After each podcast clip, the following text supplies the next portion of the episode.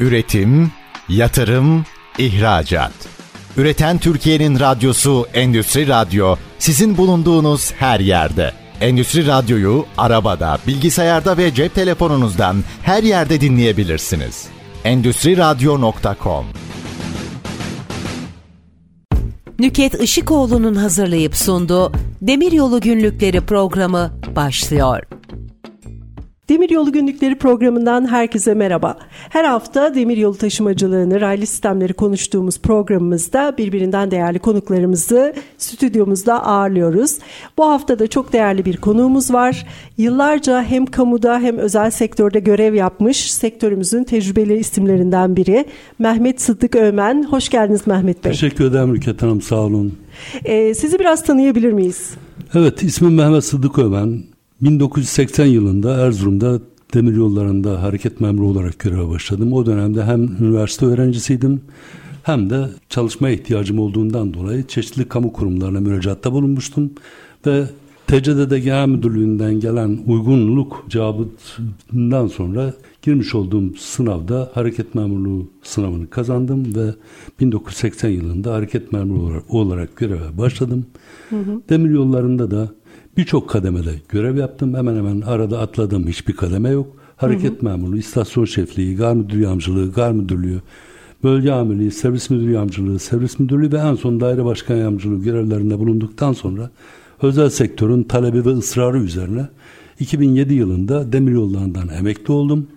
Emeklilikten sonra da 15 yıldır özel sektörde görev yapıyorum. Harika çok güzel. Siz demir yolunun her aşamasında görev yaptınız. Hem hareket memur yar, e, yardımcılığından başlayıp üst düzey yöneticiliğe kadar kamuda yükseldiniz ve sonra da ardından bir özel sektör tecrübeniz oldu. Ben özellikle size şunu sormak istiyorum. Serbestleşmeden sonra özel sektörde ilk özel demir yolu tren işletmecisi şirketinin kuruluş çalışmalarının içinde oldunuz ve burada çok önemli görevler aldınız. Şu anda ülkemizde TCD'de taşımacılık AŞ'nin dışında iki tane demiryolu tren işletmecisi var özel sektöre ait. Serbestleşme kanunu çıkalı 9 yıl oldu.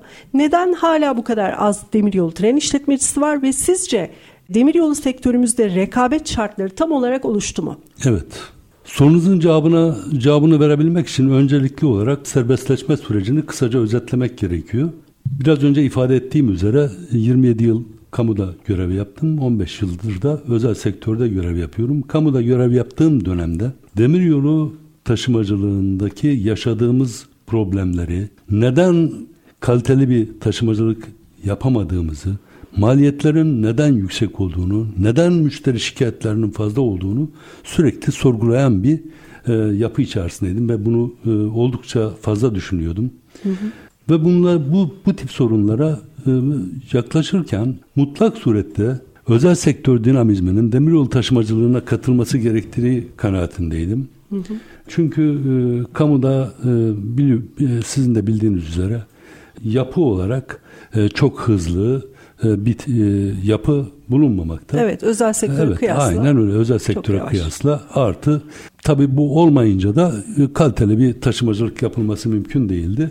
Bunun gerçekleştirilmesi için de ben birçok çalışma yaptım. Kendim çeşitli faaliyetlerde bulundum ve çeşitli projeler e, yapıyordum o dönemde. Hı hı. Ve en son sizin de bildiğiniz üzere 2006 yılında bir özel sektör deneyimi oldu demir yollarında. Erdemir tarafından özel tren işletmeciliği yapılmak istendi. Hı hı. Ancak çeşitli nedenlerle akamete uğradı. Bu taşımacılık akamete uğradı. Hem e, kendi içerisindeki bazı sıkıntılar yani yapısal sıkıntılar artı e, diğer taraftan sendika veya diğer sivil, sivil toplum kuruluşlarının bazı rahatsızlıkları nedeniyle bu taşımacılık akamete uğradı. Ancak bu taşımacılığın yani özel sektör tren işletmeciliğinin mutlaka yapılması gerektiği kanaatindeydim. Ve bu projeleri geliştirmeye devam ettim. Ayrıldıktan sonra da bu tren işletmeciliğinin mutlak surette özel sektör tarafından e, gerçekleştirilmesi kanaatindeydim. Hı hı. Peki neden demiryolu tren işletmeciliğine özel sektör girmekte bu kadar çekimser kalıyor sizce? Bildiğiniz üzere Demiryolu taşımacılık AŞ'yi saymazsak şu anda iki tane firma var. Evet. Özel tek sektör tren işletmeciliği yapan iki tane firma var. Bunlardan bir tanesi Omsan Lojistik, bir tanesi de Körfez Taşımacılık AŞ. Hı hı. Ben görevden ayrıldıktan sonra Omsan Lojistik AŞ'ye en son geçti, geçtiğimde iki, zaten 2013 yılında serbestleşme yasası çıkmıştı. Bizim de 2015 yılı itibariyle yani tüm mevzuatın tamamlanması gerekiyordu e, vesaire. Zaten 2015 yılından önce hı hı. hiçbir kurum tarafından özel sektör tren işletmenin yapılması mümkün değildi. Mevzuat da tamamlandıktan sonra OMSAN olarak biz özel tren işletmeciliği için çeşitli girişimlerde bulunduk. Ee, o dönemki TCD Taşımacılık AŞ yöneticileriyle görüşmelerde bulunduk ve yaptığımız projeyi e, maliyet avantajını artı kamu özel sektör işbirliği ile özel sektör dinamizminin de demiryolu taşımacılığına katılmak suretiyle sektörün gelişeceğini, sektörün önünün açılacağını hı hı. kendilerine ifade ettik ve en son TCDD'nin, TCD Taşımacılık AŞ'nin yöneticilerini de ikna ettikten sonra kendilerinden vagon ve lokomotif kiralama talebinde bulunduk. Onların da kabulünden sonra biz bu taşımacılığa başladık. Tabii ki özel sektörün bu işe girebilmesi için öncelikli olarak rekabet koşullarının uygun olması gerekiyor. Evet. Artı e, maliyetlerin ve yapılan desteklerin de eşit olması gerekiyor. Hı hı. Fakat TCD'de taşımacılık AŞ'yi saymazsak iki tane firma var kalıyor geriye. Evet. Biri Homsan Lojistik AŞ, birisi de Körfez Ulaştırma AŞ. TCD'nin şu andaki elinde ekipmanı var. Kendi ekipmanı var. Evet. E, kendi vagonlarını, kendi lokomotiflerini kullanıyor. Artı ilk yasa çıktığı zaman da zaten 5 yıl süreyle kendilerinden herhangi bir e, kendilerinin sümbase edileceğini ifade edilmişti. Yani zararları da karşılanıyordu. Ve bu sürede uzatıldığı zaman Tabii içinde. Tabii bu sürede zaman içerisinde yıl hala yıl da sübvanse hala ediliyor. Da, hala da evet. uzatılıyor. Tabii özel sektörün herhangi böyle bir şeyi yok. Hı hı. Biz de zaten e, lokomotif ve vagonları kiralarken öncelikli olarak bir tecrübe edelim, deneyelim. Hem sektör bunu görsün hem kendi çalıştığımız sektör bunun yapılabilirliğini görsün. Artı bunu gördükten sonra da kendileri yatırıma Hı. E, yönelebilsin kabilinden bir çalışma içerisindeydik. Bizim yaptığımız buydu. Hı hı. Ee, daha sonra da tabii Körfez Ulaştırma AŞ biliyorsunuz lokomotiflerini evet. e, lokomotiflerini aldı ve Omsan Lojistik AŞ'nin de aynı şekilde talebi oldu. Onlar da lokomotiflerini aldı. Hı hı. E, ancak yatırımın geri dönüş süresi oldukça uzun. Uzun. Artı rekabet koşulları aynı değil. Artı yine suyun başındaki firma TCD Taşımacılık AŞ. Yani müşteriler hep TCD Taşımacılık AŞ'nin taşıma ücretlerini baz alarak hareket evet. ediyorlar. Dolayısıyla siz onların verdiği fiyattan Tabii, daha yüksek bir tarife aynen fiyatı öyle. veremezsiniz. Onu, yani herhangi bir e, e, özel sektör firması onların verdiği fiyatı vermesi mümkün, mümkün olmaz. Evet. Çünkü e, var olamaz. Yani Evet, aynen öyle. Ticari aynen olarak. Öyle, aynen öyle. E, burada aklıma şöyle bir şey sor, e, soru geliyor aslında Mehmet Bey. Şimdi bu iki tane özel demiryolu tren işletmecisi normalde e, yani bir piyasada çalışan lojistik firması gibi değil. Kendi yükleri var. Yani OMSA'nın da işte Körfez Ulaştırma'nın da kendi yükleri var. Eğer bu firmaların kendi yükleri olmasaydı normal bir lojistik firması gibi e, demiryolu tren işletmeciliği işine e, girmeyi düşünselerdi sizce buna cesaret edebilirler miydi? Yani direkt piyasadan yük alarak bu işi yapmaya karar verselerdi sizce yapabilirler miydi? Sizin de belirttiğiniz gibi OMSAN ve Körfez Ulaştırma AŞ kendi grup şirketlerini yükünü taşıyorlar evet, şu anda. Hazır bir müşterilere evet, hazır Hazır yani. bir müşterisi evet. var. Artı taahhütleri de o doğrultuda. Hı hı. Özel diğer herhangi bir özel sektör firmasının bu işe yatırım yapabilmesi için öncelikle çok uzun süreli taahhütler alması gerekiyor. Evet. Çünkü lokomotif yatırımı olsun, vagon yatırımı olsun Hı-hı. çok kısa sürede e, yatırımı geri döndüren yatırımlar değil. Evet, yani yatırımın geri dönüşü çok, çok amortisman süreleri bir evet. tarafa yatırımın geri dönüş süresi çok. Doğru. Yani o maliyeti geri almaları süresi çok e, uzun. Bir yatırımcı yatırımın bedelini daha kısa sürelerde Tabii. geri almak ister. Siz de biliyorsunuz günün koşullarında bankaya parayı yatırdığı takdirde e, faizini bence hiçbir şey e, yapmadan belli hiçbir bir şey yapmadan onu alacak. Herhangi bir riske Aha. girmeden onu alabiliyor. Ancak burada mutlak surette bir riske girmesi gerekiyor. Tabii. O riske de katlanamaz. Yani herhangi diğer lojistik firmaları buna katlanamayacağından dolayı ve böyle bir riski göze alamayacağından dolayı hemen yatırıma girmeleri mümkün olmuyor. Yani böyle yani bir yatırım O zaman şöyle diyebiliriz. Olmuyor. Şu anda var olan yapıda biz özel de, e, şirketlerin demiryolu tren işletmecisi olmalarını çok fazla bekleyemeyiz. Çünkü neden? Demiryolu pahalı bir yatırım.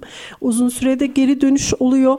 Artı e, bütün malzemeler dolar dolara endeksli bu lokomotifler şeyler yani yatırımlar dolar bazlı ve bir taraftan da karşınızda devletin taşımacılık şirketi var ve bu taşımacılık şirketinin zararı her sene zaten hazineden finanse ediliyor.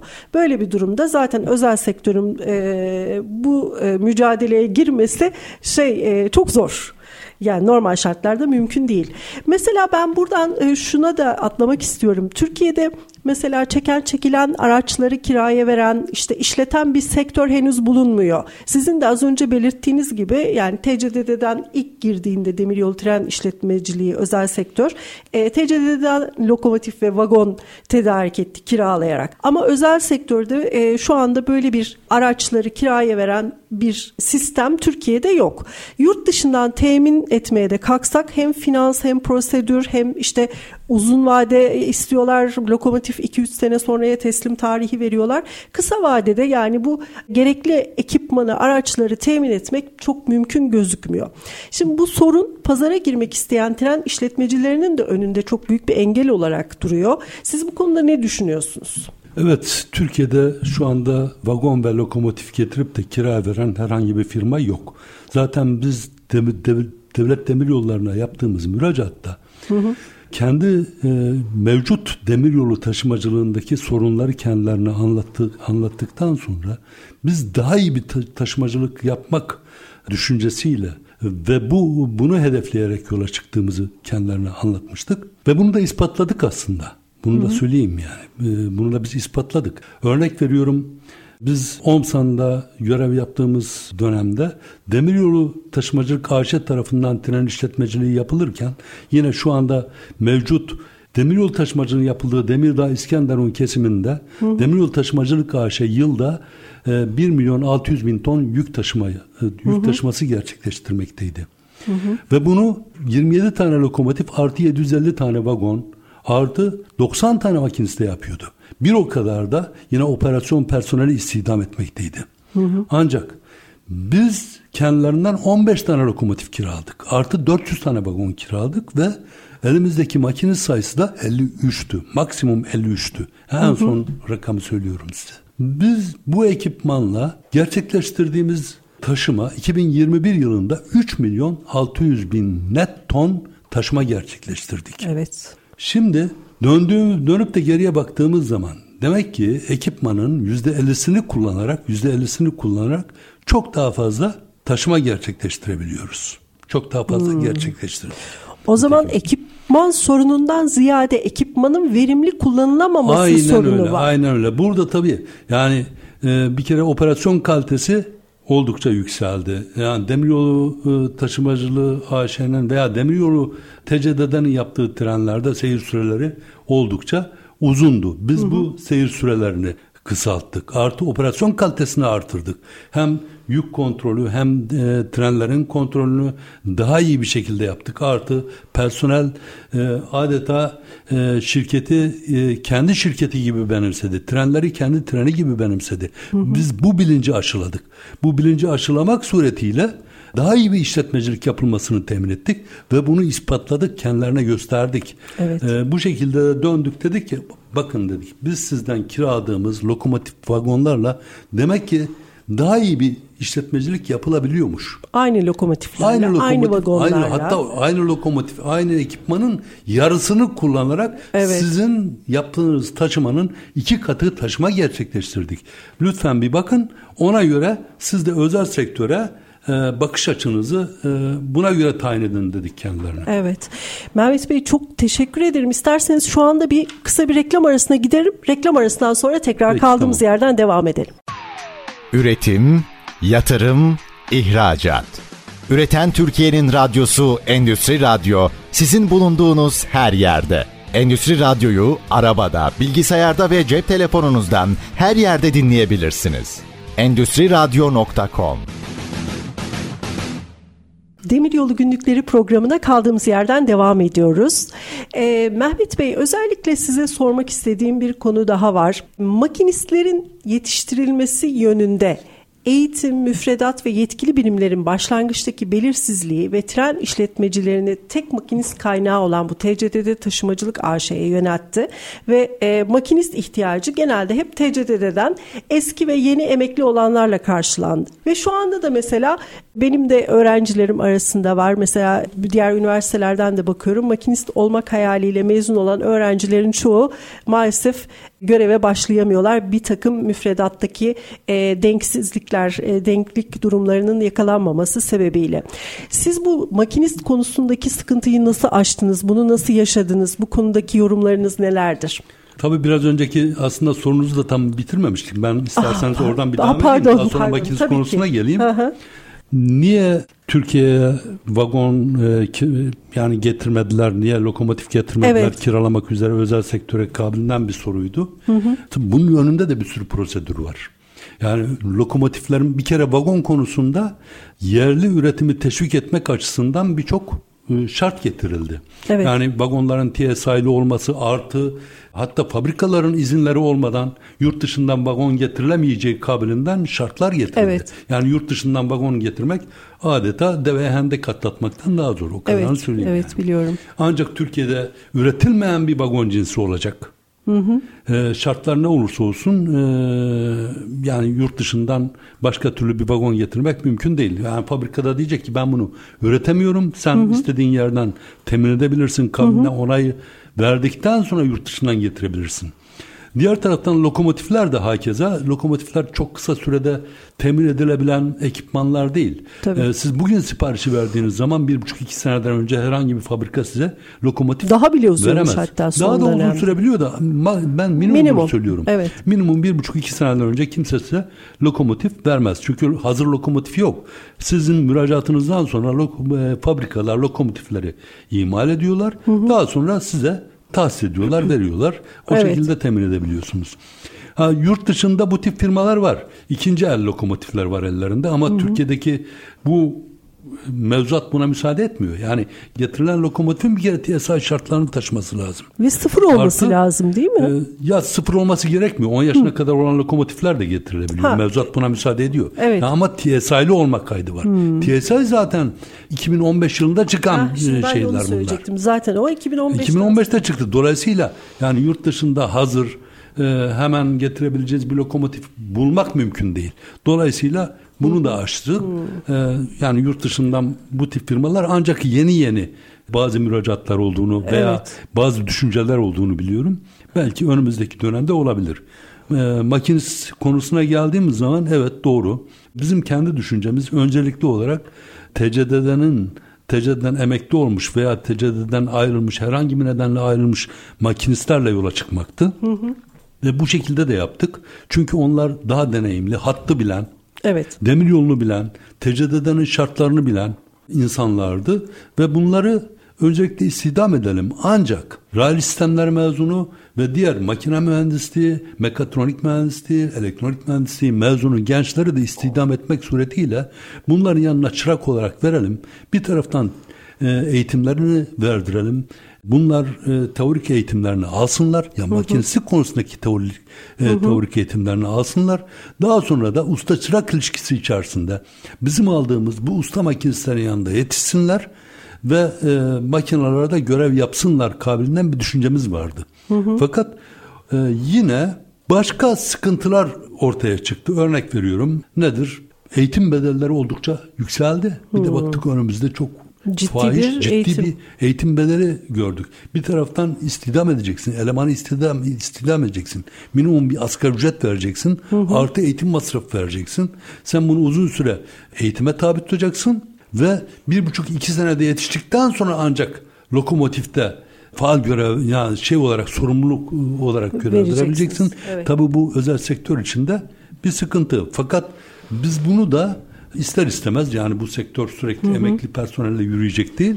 E, bunu düşünüyorduk. Zaten Körfez e, Ulaştırma AŞ bunu yaptı kısmen. Hı hı. E, bazı e, personeller aldı, istihdam etti. Omsan Lojistik AŞ'de de aynı şekilde bu olacaktır. Ve hı hı. bundan sonra sektöre girmeyi düşünen, yatırım yapmayı düşünen, özel tren işletmeyi düşünen bütün firmalarda aynı şekilde bunları istihdam etmek durumuyla, zorunluluğuyla karşı karşıya kalacak. Herkes yani kendi kurum içi eğitimini mi verecek makinistlere? Bunu yapan merkezi bir sistem. Hayır, kurum içi eğitimini maalesef kurumların kendisi veremiyor. Hı hı. Ee, bu da aynı şekilde nasıl ki demiryolu taşımacılığında bir tane tekel konum, tekel konumunda bir tane firma var. O da TCD taşımacılık evet. Karşı. Çünkü ha, tüm şeyleri örnek veriyorum tarifeyi ne yapıyor? bütün müşteri TCD'nin tarifesini baz alıyor. Hı hı. Ee, nasıl bu böyleyse eğitimde de aynı şekilde e, TCD'de eğitim merkezinde Eskişehir Eğitim hı. Merkezi'nde ancak kurslar veriliyor. Bunun da bence çoğaltılması lazım. Bence de hatta bunların üniversiteyle entegrasyonu Aynen üniversiteden öyle. çocuk Aynen çıkar öyle. çıkmaz e, yani belli bir sürüş deneyiminden sonra makinist olabilecek e, standartlarda bir e, eğitim alması gerekiyor ki evet gerekiyor. E, bu konudaki sorunları da aşalım. Demiryolu tren işletmecilerinin en çok yaşadığı sorunlardan en önemli sorunlarından biri de bu altyapı kaynaklı sorunlar. Ve bu altyapı kaynaklı sorunların yanında bunların giderilmesi için de bu yürütülen modernizasyon yatırımları var. Ve bu sebeple uzun süreli yol kapanmaları yaşanıyor. Siz tabii ki bunu yaşamışsınızdır e, pratikte de. Bu konudaki deneyimleriniz hakkında birazcık bize bilgi verir misiniz? Evet maalesef e, yaşadık biz de. Tabii ki demiryollarının mutlaka yol bakımlarını yaptırması gerekiyor. Ya, bakımı yapılmayan bir yolda zaten tren işletmeciliği yapılmaz. Hı hı. Yani biz buna katılıyoruz. Bakımların da periyodik olarak muntazam surette yapılması gerektiği görüşündeyiz. Ancak programlı yol kapamalarında zaten çok fazla problem yaşanmıyor. Hı hı. Yani yaşadığımız problemler nereden kaynaklanıyor? Programlı yol kapamalarına uyulmadığı takdirde hı. diğer sektör yani diğer özel sektör bundan rahatsızlık duyuyor. Eğer programlı yol bakımı diyelim ki saat 18'de tamamlanacaksa 18'de bitirilmeli. Ancak bu 18'de değil de 22'ye sarktığı zaman Hmm. Bunu Bütün taşıma yani. aksıyor tabii. İster istemez taşıma aksayacaktır. Özel sektörün böyle bir şeye zaten izin vermesi veya bunu kaldırabilmesi mümkün olmuyor. Birincisi biz bu tip rahatsızlıklar yaşıyorduk. Hı hı. İkincisi programsız yol bakımlarından çok fazla rahatsızlık, hmm. rahatsızlık duyuyorduk. Yani şebeke bildiriminde bildirenin haricinde. Evet şebeke bildiriminde bildirilenin dışında bir de bakıyorduk ki herhangi bir nedenden dolayı e, bir yol kapanıyor ve e, çok kısa süreli yol kapama yol kapamaları da olmuyor. Hı Birdenbire işte herhangi bir kesimde yol kapatıldığı zaman bizim trenlerimiz geliyor kalıyor. İster istemez ne oluyor? Senin trenin teyir ediyor. E bu teyir artı neyi getiriyor? E, makiniste ödediğin mesai getiriyor. Fazla mesai getiriyor. Kilometre tazminatını getiriyor. Ve lokomotifi planladığın saatte varış noktasına götüremiyorsun. Vagon bakımlarını yapamıyorsun. Lokomotif bakımlarını yeterince yapamıyorsun. Ya, ya bir taraftan maliyetler artarken bir taraftan da kaliteli işletmecilik yapmak istediğin e, noktada karşına birçok handikap çıkıyordu. Evet. Dolayısıyla programsız yol kapamalarından dolayı e, bu tip rahatsızlıklarımız maalesef e, oluyordu. Evet. Yani bunların da aşılması gerekiyor artık. Tabii bu peki altyapıdaki bu geometrik sıkıntıları mesela özellikle bizim son dönemde toplantılarda çok duyduğumuz bir konu var. Bu yeni yapılan bazı hatların tekerlekleri aşırı derecede aşındırmasından dolayı tekerleklerin normal ömürlerinin neredeyse e, üçte ikisine yakınını yani yarısını daha erken tamamlayarak artık belli bir sürede belli bir sayıda apleti görüyor ondan sonra göremiyor. Bu konuda da maliyetleri çok arttırdığını duyuyoruz. E, siz bunu yaşadınız mı sektörde? Tabii ki biz de yaşıyorduk. Her ne kadar bizim vagonlarımız kiralık olsa bile teker hı hı. aşınmalarıyla çok e, sık bir şekilde karşılaştığımız bir konuydu. Hı hı. Ee, diğer taraftan e, tabii bu bodem aşımalarında kullanılan yağın evsafının çok kaliteli olması gerekiyor. Artı vagon bakımlarının çok iyi yapılması gerekiyor. Evet. Yani gerek lokomotif gerekse vagon e, altyapı aks, hı hı. alt aksamının e, bakımlarının çok muntazam yapılması gerekiyor. E, yine e, yollarda da e, çeşitli sıkıntılarla karşı karşıya kalıyorduk. Biz bu konuda TCD Genel Müdürlüğü birçok toplantı yaptık. Hani e, detaylar olarak hı hı. E, TCD Genel Müdürlüğü'nün koordinasyonunda birçok toplantı yaptık. Bu konunun aşılması için gerekli çalışmalar yapıldı. Maalesef e, büyük bir sorun hala da tam aşılmış bir konu değil. Evet. Hala da üzerine e, evet. ki teker fiyatları da oldukça arttı. Evet. Bu da ma, e, per, e, özel sektöre oldukça büyük maliyetler getiren maliyetler bir konu. Getiriyor. Doğru. Ve e, ticari hız bizim bu altyapı kaynaklı olarak herhalde oldukça düşüyor değil mi Mehmet Bey? Yani ticari hızı siz nasıl değerlendiriyorsunuz? Genel olarak baktığınız zaman oldukça düşük sanıyorum. Sanki böyle ticari 25-30 kilometre gibi aklımda kalmış ama Yani o civarda evet. evet. Ee, 30, 30 kilometre civarında. Yük tren işletmeciliğinde hmm. ticari hız o kadar şu anda. Evet.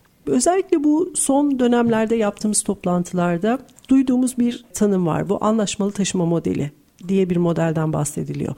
TCDD'nin elinde yeterli sayıda e, lokomotif ve vagonun olmadığı biliniyor. Fakat bir taraftan da şimdi sizin anlattıklarınıza bakınca ben şunu düşünmeye başladım. Yani yeterli sayıda lokomotif vagon mu yok yoksa verimsiz işletildiği için biz öyle mi zannediyoruz gibi bir e, şey e, kafamda bir soru oluştu şu anda ama e, şimdi özel sektör önünü göremediği için uzun süre önce bu yürürlüğe giren serbestleşme yasasına rağmen bu alanda yatırım yapmıyor dedik. Bunu e, şu ana kadar konuştuk, vurguladık. İşte tam bu noktada TCDD'nin elindeki ekipmanın verimli bir şekilde kullanılması talebin karşılanması noktasında büyük önem taşıyabilir. Yani anlaşmalı taşıma modeliyle bu sağlanabilir aslında. Avrupa'da da benzer örnekleri var bu modelin. TCDD'den işte yük garantisi karşılığında firmanın ihtiyacı olan sayıda e, lokomotif ve ekipman tahsis edilmesini istiyor firma. Bu lokomotiflerde sürekli gidip geleceği için e, verimliliğin arttırılması amaçlanıyor bu uygulamayla. Sizce bu uygulama mevcut sistemdeki verimliliği arttırabilir mi? Bu konuda ne düşünüyorsunuz? Şimdi bu konuda ben şunu ifade edeyim. Olabilir mi? Olabilir tabii. Herhangi bir sıkıntısı yok. Ancak operatör aynı olduğu takdirde sizin op- e, eğer operasyon kalitesi düşükse hmm. bu konuda kaliteyi artırmanız mümkün mü? Pek değil o zaman. Mümkün değil. Çünkü operatör, operatör aynı. aynı. Evet. Vagonu lokomotifi nereden kiralayacak? TC'de taşımacı evet. karşıdan kiralayacak. Evet. Veya herhangi bir özel sektör tren işletmecisi kim olursa olsun hı hı. eğer kaliteli bir operasyon yapmıyorsa hı hı. TC'de taşımacı karşı için konuşmuyorum ben. Hı hı. Herhangi bir özel sektör tren işletmecisi iyi bir işletmecilik yapmıyorsa siz kalkıp onlardan vagon tahsisi istemeniz vesaire herhangi bir şey söz konusu. Ama olsa olsa ne olur yani? Bu arada onun Artı, da kapasitesi. şunu da söyleyeyim ayrıca hı hı. koşulların sadece bir müşteriye değil herkese aynı eşit bir şekilde uygulanması gerekiyor. Hmm. Ha, biz vagonu tahsis ettik tamam. A firması geldi sana dedi ki ben şu kadar ton taşıma yapacağım bana şu kadar vagon tahsis et, lokomotif tahsis et dedi. Aynı koşulların tüm müşterilere uygulanması gerekiyor. Doğru. Eşitlik Aksi takdirde ilkesi. bu sefer eşitlik ilkesine aykırı hareket Tabii, edilmiş olur. Rekabete ve Biz uygulamada aykırı. maalesef bu tip sıkıntılar da gördük. Hmm. Yani bir firmaya iki firmaya sen eğer bunu tahsis edip de diğer firmalara hayır kardeşim ben sana bunu tahsis edemem dersen hı hı. bu doğru bir davranış olmaz. Tabii. Eğer talep şartları aynıysa hakeza tahsis şartlarında aynı olması gerekiyor. Bütün müşterilere açık. Ya tarifeye koyacak bunu diyecek ki ben e, vagonu, lokomotifi ancak şu şekilde tahsis edebilirim. Şu kadar ton talepte bulunan müşteri kim olursa olsun ben bu tahsis edebilirim derse edebilir. Ancak bu bir önce söylediğim gibi operasyonun kalitesini artırmaz. Sadece müşterilerin talebini yerine getirmenizi sağlar. Evet çünkü dediğiniz gibi operatör aynı. O zaman şöyle yapalım gene kısa bir reklam arasına gidelim. Reklamlardan sonra Peki. devam edelim. Üretim, yatırım, ihracat.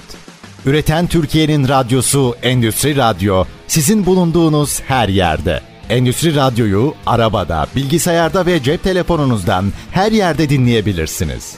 Endüstri Radyo.com Demiryolu Günlükleri programımıza kaldığımız yerden devam ediyoruz. Programımızın 3. bölümündeyiz. Mehmet Bey, şimdi dünyanın artık en hızlı gelişen sektörü demiryolu. Avrupa'da bile en hızlı sektör. Biz kapasite var. Uygun kullanıldığı zaman işte talebin daha büyük bir kısmını karşılayabiliriz. Orta ve uzun vadede özel sektörün yatırım yapmasını teşvik edecek bir takım önlemler alabiliriz. Mesela işte alt e, yatırım teşvikleri, e, operasyonel teşvikler. Siz mesela demiryolu tren işletmeciliği işinde e, ilk kurduğunuzda bir teşvik aldınız mı? Hayır. Bir destek aldınız mı? Hayır. Peki bu konuyla alakalı teşvikler konusunda ülkemizde demiryolu sanayisine ve demiryolu işletmeciliğine verilen e, veya verilmesi e, istenen, talep edilen teşviklerle alakalı ne düşünüyorsunuz? Şu anki bu durum, bu sistem nasıl? Nüket Hanım biliyorsunuz e, demir yollarını da demir yol içeren teşvik kanunu 2012 yılında çıkmıştı. Evet. Bu teşvik kanununda demiryolu sektörünün geliştirilmesi de önemsenmişti ve birçok hüküm yer almaktaydı bunda. Ancak 2012'den bu yana herhangi bir teşvik yok. Yani hı hı. şu anda o, o teşvik sürelerden neredeyse bitmek üzere. Evet. Bu teşvik kanunun bir kere yenilenmesi gerekiyor. Hı hı. Çünkü şu anda demiryolu sektörüne yatırım yapan hı hı. kim olursa olsun herhangi bir teşvik alamıyor. Herhangi bir destek alamıyor. Yok yani. Hı hı. Ee, ki bizim gibi özel tren işletmeci zaten hiçbir şekilde alamıyor. Yatırım yaptığın takdirde senin bunun teşviğini e, alabilmen lazım. Birçok sektörde biz bunu görüyoruz. Birçok sektörde görüyoruz.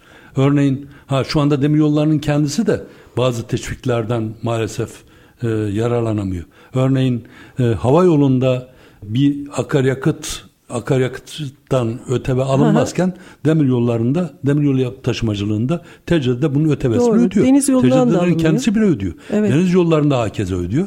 Yani bir kere en başta demir yolu taşımacılığını teşvik edebilmek için demir TCD'de başta olmak üzere tüm e, demiryolu taşımacılığı yapan herkese bu teşvik verilmesi gerekiyor. ÖTV indirimi. Yani ÖTV indiriminin uygulanması gerekiyor mutlak evet. surette. Hı hı. Bu gerekse akaryakıt taşımacılığındaki ÖTV'nin mutlaka uygulanması gerekiyor.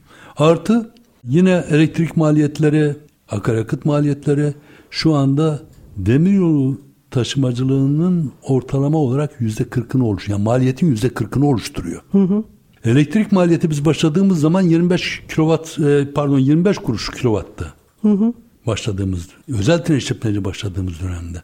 Ancak şimdi bakıyoruz 4 liraya çıkmış. Kaç katı artmış? Yani 25 e, kuruş 4 lira düşünün evet, yani. Evet çok artmış. 16 lira, 16 kat artmış. Peki TCD'de taşıma ücreti veyahut da demiryol taşıma ücreti, TCD taşıma ücreti demeyeyim ben. Özel sektöründe hı hı. E, özel sektör de taşıma yapıyor. Tabii. Başlangıçtan bugüne 16 kat arttı mı? Hayır tabii ki artmadı. Hayır mümkün değil. E bizim bunu müşteriye yansıtmamız mümkün mü? Değil. Yani 16 kat mümkün, fazla mümkün teklif olmuyor. veremezsiniz ha, müşteriye. Mümkün olmamasının bir nedeni de ne?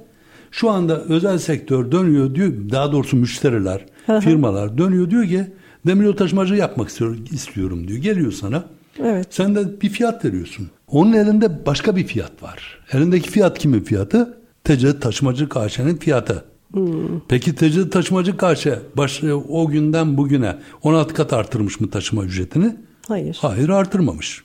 E, ister istemez ne yapıyorsun? E, sana TC taşımacı ücretini baz olarak kalıyor. Sana diyor ki örneğin TC taşımacısının A, B e, istasyonlar arasında 50 liraya taşıyor. Sen de bana en fazla 50 liraya taşı. E, maliyetlerin kurtarıyor mu senin bunu? Hayır. Mümkün değil. Bunun maliyetleri e, maliyetlerin bunu kurtarması mümkün değil. Hı hı. Müşteri geliyor sizden bir fiyat talebinde bulunuyor. AB istasyonları arasında bana fiyat ver diyor. Siz de kalkıyorsunuz örnek veriyorum diyorsunuz ki şu kadar. O da dönüyor sana TC'de taşıma ücretini baz aldığından dolayı getiriyor. Diyor ki bak diyor TC'de bana 50 liraya taşıyor sen niye 50 liraya taşımıyorsun? Maksimum sana ödeyebileceğim rakam 50 TL. Ama bunun fazlasını ödeyemem diyor. Ama öbür tarafta e, demiryol taşımacılık AŞ'nin sübvanse edildiğini, desteklendiğini, zararının karşılandığını bilmiyor. Halbuki Hı. özel sektör para kazanmak için bu işe girer. Yani bir taraftan para kazanacak, bir taraftan yatırımının geri dönüşünü temin etmesi gerekiyor. Aksi takdirde girmesi mümkün değil. Tabii. Yani dolayısıyla mutlak surette özel sektörün bu konuda desteklenmesi gerekiyor. Gerek lokomotif yatırımı gerekse vagon yatırımı konusunda desteklenmesi gerekiyor. Bu vergilerden mi olur? Ee, veya yani daha önce bu tip şeyler vardı zaten. Hem vergi hı hı. indirimi vardı hem asgari ücretli personel. Evet. personel şimdi e, vergi indirimi falan var da şimdi takdir edersiniz ki vergi indirimi parayı kazandıktan sonra yapılan bir sübvansiyon. Ama İlk başta bu yatırımı sağlamak için hani daha para kazanmadan önceki işte demiryolu yatırımı olsun işte e, o sırada mesela operasyonel altyapıdan kaynaklanan veya işte e, işletmeden kaynaklanan bir takım zararların karşılanması için bir takım teşviklerin ve desteklerin sağlanması lazım ki bir cesaret olsun özel sektörde. Biz e, yaptığımız toplantılarda da hep şu gündeme geliyor. Özellikle e, mesela biz TCD'de taşımacılık AŞ'nin tabii ki var olmasını, yaşamasını e, çok istiyoruz. Çünkü sonuçta yüzde dörtlük bir demiryolu taşıma payı var. E, şu anda e, devlet TCDD tarafı desteklenmezse, e, özel sektörde buna girmeye cesaret edemezse o yüzde dörtten de olursak hani e, hmm. bunun da endişesini taşıyoruz. Çünkü çok düşük bizde demiryolu taşıma payı ve özellikle son dönemde gerek sanayi odaları gerek ticaret odaları yani Türkiye'deki sanayiciler diyorlar ki biz artık uluslararası olarak da yüklerimizi demir yoluyla taşımak istiyoruz. Çünkü hem maliyet avantajı sağlıyor, hem sınır geçişlerinde bize kolaylık sağlıyor, hem de özellikle Avrupa yönünde bu son dönemde çok gündemde olan yeşil mutabakat konusu var. Bu karbon salımı konusu var. Önümüzdeki süreçte bununla ilgili bir takım kısıtlar getirilecek taşımalarda da bu karbon salımı ile alakalı. Dolayısıyla yani sadece lojistik piyasasından değil yükünü taşıtacak olanlardan da gelen bir demiryolu talebi var. Siz bunu nasıl evet. değerlendiriyorsunuz? Bu konuda neler söylemek istersiniz? Şimdi öncelikle şunu söyleyeyim. Ee, biraz önce de sohbetimizde mevcut 3 tane DTİ olduğunu evet. ki TCD taşımacılık AŞ'yi saymazsak hı hı. E, iki tane DTİ olduğunu söylemiştik özel tren işletmecisi olarak. Evet. Biri Körpez bir tanesi de Omsan AŞ. Tabii bence TCD'de taşımacılık AŞ'nin e, operasyon kalitesini ya artırması gerekiyor tüm sektörün ihtiyacını karşılayacak şekilde kalitesini artırması gerekiyor. Veya biraz önce anlattığım nedenlerden dolayı sektöre kalkıp kardeşim ben lokomotifi, vagonu, her şeyimi, ekipmanımı ben kiralamak istiyorum. Özel sektörden talep edenler varsa buyursun, yazsın, alsın, özel tren işletmeciliği yapsın kabilinden e, bir e, uygulama içerisine girmesi gerekiyor. Hmm. Çünkü mevcut demiryolu taşımacılık AŞ'nin kalitesi ne kadar iyi bilmiyorum. Yani bu konu biraz hı hı. E, tartışılır. Çünkü örnek örneğiyle ben size anlattım. Yani demiryolu taşımacılık karşının aynı ekipmanı kullanmak suretiyle neredeyse yarı ekipmanıyla onların taşıdığı yükün iki misli yük hı hı. taşınabiliyorsa bence özel sektörün bu konuda teşvik edilmesi gerekiyor. Hı hı. Yani gittikçe biraz daha açılımı kendi bakış açımızı değiştirmemiz hı hı. ve açılım yapmamız gerekiyor. Şimdi mevcut durumda bir de bakıyorsun TC'de taşımacılık karşı örnek veriyorum ne yapıyor? Bize vagonu kiralamıştı. Biz ondan aldığımız vagonlarla işletmecilik yapıyorduk. Hı hı. Mevcut tarifeye bakıyorsun. Daha e, platform vagonlar e, ben size e, rakamlarla da ifade hı hı. edebilirim. Yani platform vagonlar hı hı. platform vagonlar e, çok daha düşük e, 400 küsur TL günlüğü kiralanırken daha çok talep edilen e, falfas tipi vagonlar Hı hı. 1180 ee, TL gibi günlük olarak kiraya hı. verilmeye başlandı. Hı hı. Şimdi bu nedir? Demek ki talep olan bir şeyin gittikçe rakamını Fiyatı arttırma artıyor. gibi bir şey. Ne kadar doğru bilmiyorum. Hı hı. E, artı biraz önce ben e, anlatırken şeyi söyledim. Dedim ki ya arkadaş yani biz aynı ekipmanla daha fazla yük taşıdık ve daha fazla gelir elde edilmesini sağladık. Peki TCD Taşımacılık AŞ'nin gelir gideri karşılama oranı ne kadardır? Bunu da bir kıyasla, bunu da bir düşünmemiz lazım. Evet. Çünkü tecrüt taşımacı karşı 5 yıldır hatta e, yasanın çıktığı günden bugüne destekleniyor, sübvanse ediliyor. Evet. Ya ben kendilerini eleştirmek noktasında değilim. Onu söyleyeyim. Eleştirmek Hı-hı. için de söyle, söylemiyorum ben bunları. Sadece sektörün gelişmesi için ben Hı-hı. bu cümleleri sarf ediyorum. Tabii bunları ki. söylüyorum. Sektörü nasıl geliştirebiliriz? Bizim derdimiz sektör sektörün geliştirilmesi. Hepimizin ülkeye evet. e, en katkı sağlayacak Aynen şekilde. Aynen öyle. Demir Şimdi yolu. Ee, benim işletmecilik yaptığım yerde o hat kesiminde e, gelirin gideri karşıma oranı, oranı yüzde yetmişti. Yüzde yetmiş ne demektir? Sen 100 lira para harcayacaksın 70 lirasını geri alacaksın. 30 lira eksi Yani 30 lira her defasında her defasında Cepten. 30 lira maalesef fazladan para vereceksin. Peki biz ne yaptık? Döndük dedik ki aracını ver bize. Ekipmanını aldık. Lokomotifini aldık. Vagonunu aldık. Bakımını üstlendik. Hı hı. Personel de kullanmıyorsun. Hı hı. Artı yani vagon ekipman konusunda veya lokomotif ekipmanı konusunda hiçbir harcaman yok. Hı hı. Sıfır harcama. Artı operasyon için de herhangi bir ücret ödemiyorsun. Altyapı kullanım bedelini de biz ödüyoruz. Ona da para ödemiyorsun. Evet. Ve biz sana artı kira bedeli ödüyoruz. Hı hı. Artı kira bedeli ödüyoruz. Yani sen daha önce her 100 lirada 30 lira zarar ederken biz sana fazladan para ödüyoruz. Ve bu şekilde hem TCD taşımacılık karşıya hem TCD'de genel müdürlüğüne gelirimizin yüzde 85'ini geri ödedik o dönemde. Yüzde 85'ini e, geri ödedik. Hı hı. E, bu şekilde ne oluyor? TCD Genel Müdürlüğü herhangi bir zararı olmuyor. TCD ağaç taşımacılık karşıda yine herkese hiç para harcamadan, hiçbir efor sarf etmeden parasını alıyor cebine koyuyor ancak bu şekilde kazan, kazanabilir. Dolayısıyla özel sektörü bu şekilde teşvik etmek gerekiyor. Yani bunun önünü açmak gerekiyor. Özel sektöre ha şu anda karayollarında olmuyor mu? Oluyor. Ben size örnek vereyim.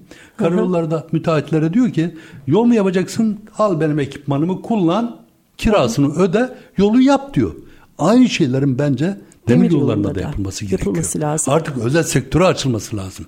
Doğru. Başka türlü yani ilerleyemez başka türlü çünkü. Olmuyor. Ha, özel sektör dinamizmi, özel sektör dinamizmi katılmadığı müddetçe maalesef demiryolu sektörünün gelişmesini sağlayamayız. Tabii bunu ben kalkıp laletten bütün firmalara açın demiyorum. Yani kurumsal firma olsun, şartları getirilsin. Evet. O şartlara uygun olan firmalara bunlar verilsin. Tecrübe taşımacı karşı bu konuda öncülük etsin. Evet.